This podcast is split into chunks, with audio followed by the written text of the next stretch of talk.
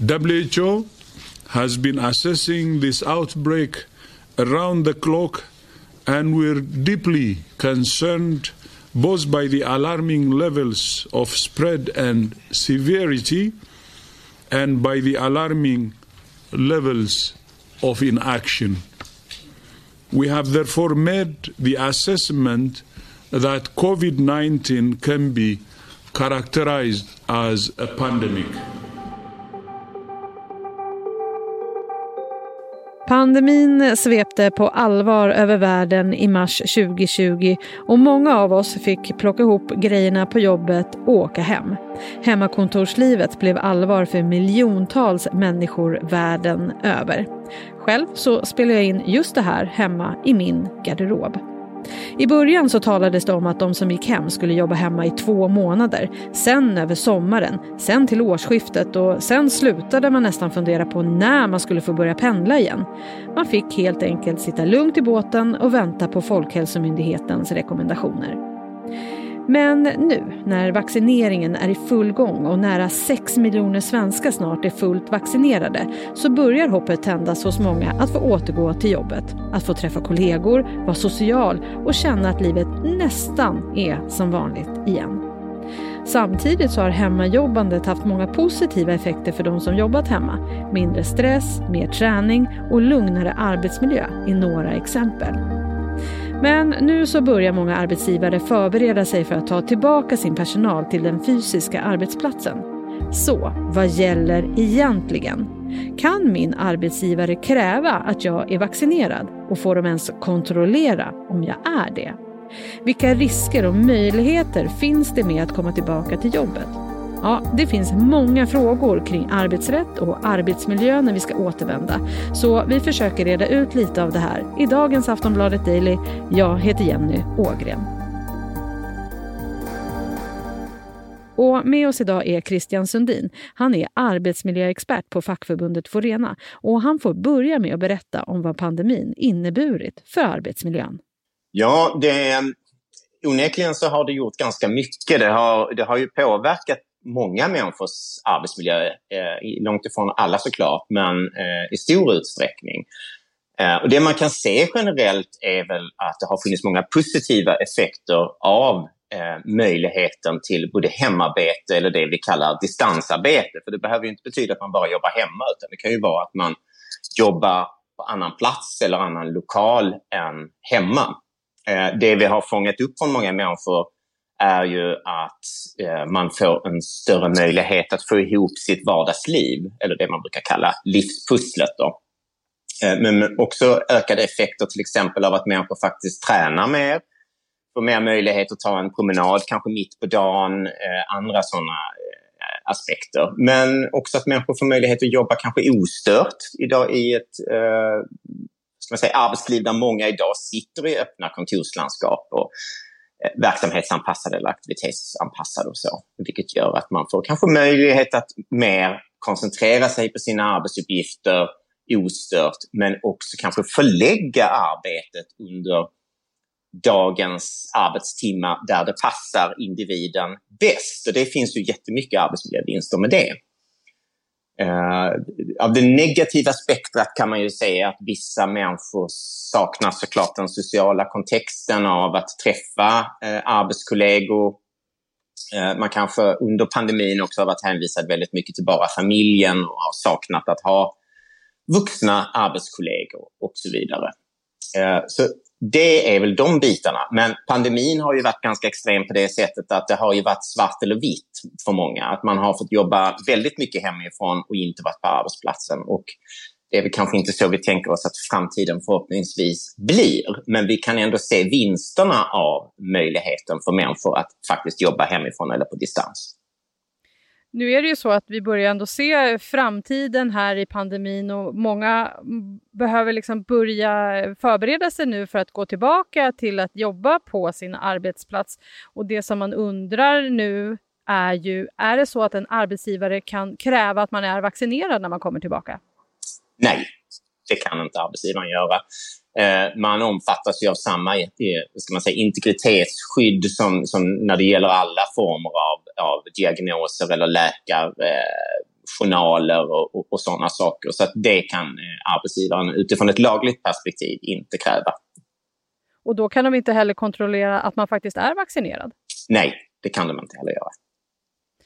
Så hur skulle du säga, hur kan det här komma då att påverka relationen mellan arbetsgivare och och eh, personalen? Ja, det är bra att du tar upp det, för det kan den absolut göra. Eh, det kan ju också ha att göra såklart med förtroendefrågor och förtroendekapital. Det jag ser som den största risken är att det blir ett vi eller dem. Eh, och den stora risken där är ju faktiskt att det uppstår kanske konfliktytor mellan kollegor, men i slutändan blir någonting som arbetsgivaren ändå måste hantera. Att det blir ett, någon form av arbetsmiljöproblem helt enkelt.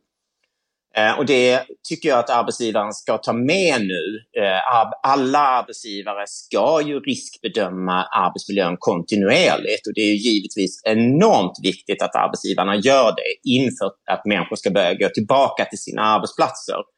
Eh, och då är den frågan en väldigt viktig fråga för arbetsgivaren att ta upp i sina risk och konsekvensanalyser. Och där det finns arbetsmiljöombud, alltså arbetstagarrepresentanter för arbetsmiljön, att tillsammans med dem ta med detta i riskbedömningen. Hur hanterar man den här typen av frågor? Hur hanterar man den här typen av konflikter? Det kan ju vara att, att någon råkar försäga sig eller att någon eh, faktiskt bara eh, säger att den är ovaccinerad för att den har olika eh, teorier om varför man inte ska ha eh, eller vaccinera sig. Då. Eh, och det kan ju leda till att andra kollegor eh, ser i princip den här kollegan som en smittrisk. Då, va? Alltså att den här personen är, är eh, ovaccinerad, jag vill inte sitta med den i ett slutet rum, jag vill inte sitta med den i ett mötesrum och så vidare. Det kan skapa alltså väldigt mycket oro till exempel. Worst case scenario. Men det tycker jag att det är väldigt viktigt att arbetsgivare tar med och också tar den här oron på allvar som arbetsgivare nu när människor börjar gå tillbaka till arbetsplatserna. Sen har vi under pandemin sett också att många har förlorat eh, sina jobb på grund av arbetsbrist. Mm. Kan man förlora sitt jobb om det är så att man vägrar vaccinera sig? Nej, det kan man inte. En, en bra sak där är ju såklart att man eh, för en dialog med arbetsgivaren, att man också tar ansvar för att man inte bara fattar egna beslut utifrån att man förväntar sig att jag har rätt att göra det här. Eh, en del kanske lever i uppfattningen eh, av att det är väldigt svårt att säga upp någon eller att det är omöjligt att säga upp människor i Sverige. och så där. Det är det inte. Så att man ska vara försiktig när det kommer till sådana här frågor som är kopplat till skyldigheter i anställningsavtalet eller lojalitetsplikt och andra saker som, som det kan bli fråga om här. Då. Inte bara arbetsmiljöfrågor utan även arbetsrätt. Eh, är man osäker, man har alltid möjlighet att kontakta ett fackförbund till exempel och ställa, vilka frågor, ställa frågor kring vad gäller här juridiskt, vad har jag för rättigheter och så vidare. Men fatta inga förhastade beslut eller utgå från att du har rätt till exempel rent krasst så, så, kan man inte förlora jobbet för att man vägrar vaccinera sig. Det finns det ingen lagstiftning som stödjer i, i dagsläget. Då. Och om vi tittar rent eh, mellan hur skillnaden är mellan privat sektor och offentlig sektor. Hur skulle du säga eh, är de olika, alltså så här, hur är det med arbetsgivarna på de olika ställena? Alltså, om man utgår från att Rekommendationerna är ju exakt de samma för alla arbetsgivare i Sverige. Eh, så det ska inte vara någon skillnad. Men eh, jag tror att eh, i privat sektor kanske det finns fler mindre arbetsgivare där man eh, har andra utmaningar. Det kan vara i form av kunskapsluckor eh, eller kompetens kring hur man bedriver ett arbetsmiljöarbete, smittrisker. Det kan också vara arbetsplatsens storlek som har betydelse av Eh, att man har svårt kanske, och det kan också vara kanske svårt för vissa arbetsgivare att låta eh, sin personal jobba hemifrån av olika anledningar. Där finns ju utmaningar. Eh, och möjligen finns det fler av de utmaningarna eh, hos mindre arbetsgivare i privat sektor än vad det till exempel gör i offentlig sektor. Och sen då när vi tänker oss att vi ska tillbaka till arbetsplatsen nu och det gäller arbetsmiljön. Hur ska vi anpassa oss tillbaka till ett liv på jobbet?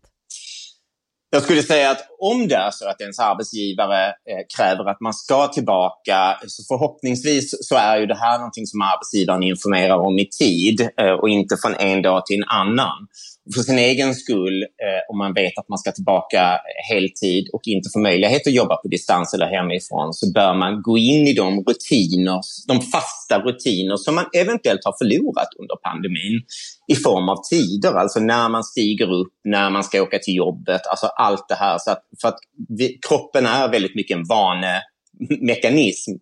Eh, och, och, där kan det vara bra att tänka på att få tillbaka de här fasta rutinerna innan man då går tillbaka till den ordinarie fysiska eh, arbetsplatsen eller eh, som man ska vara på då.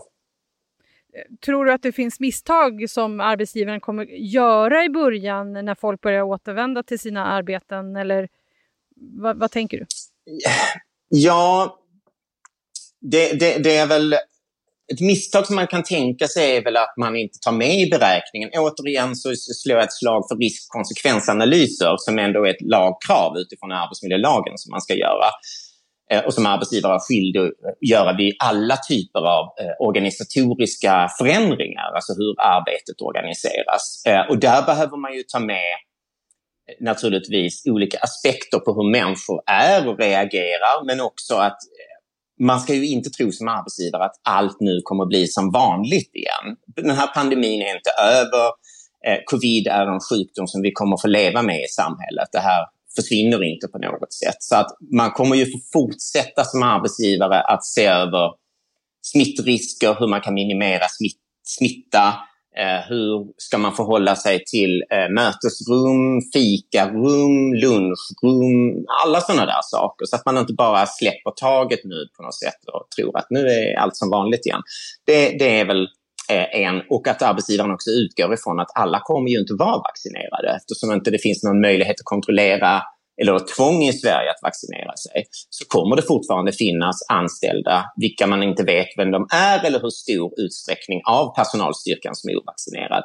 Alltså måste man ju hålla kvar och hålla liv i de försiktighetsåtgärder som man måste vidta för att minska arbetsmiljörisker, det vill säga i det här fallet smitta. Christian, vad har du för tips till alla som är på väg att börja jobba på jobbet igen? Vad ska man tänka på?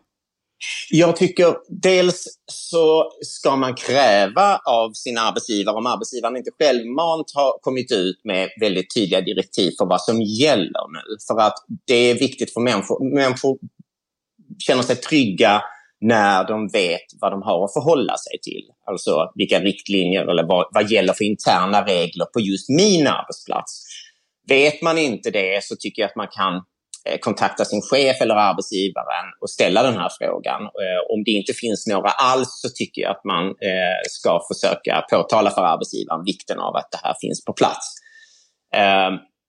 Och Det är ju såklart så att man är man intresserad av arbetsmiljöfrågor, är man mån om sin arbetsmiljö, vill man kunna vara med och påverka i arbetsmiljö lokalt på ett arbetsställe så finns det ju möjlighet att antingen själv engagera sig som arbetsmiljöombud eller att man utser en representant för arbetstagarna som arbetsmiljöombud som kan föra den här typen av frågor i samverkan med arbetsgivaren kring hur man då lägger upp risker, hur man lägger upp interna regler för arbetsmiljöarbete så att man undviker i möjligaste mån helt enkelt både konfliktytor och smittrisker helt enkelt.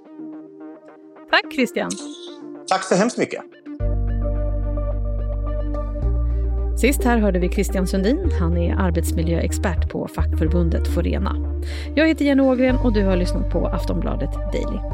Daily kommer ut måndag till fredag med aktuella avsnitt så du får gärna följa oss i din poddspelare så missar du inga avsnitt. Vi hörs snart igen. Hej då!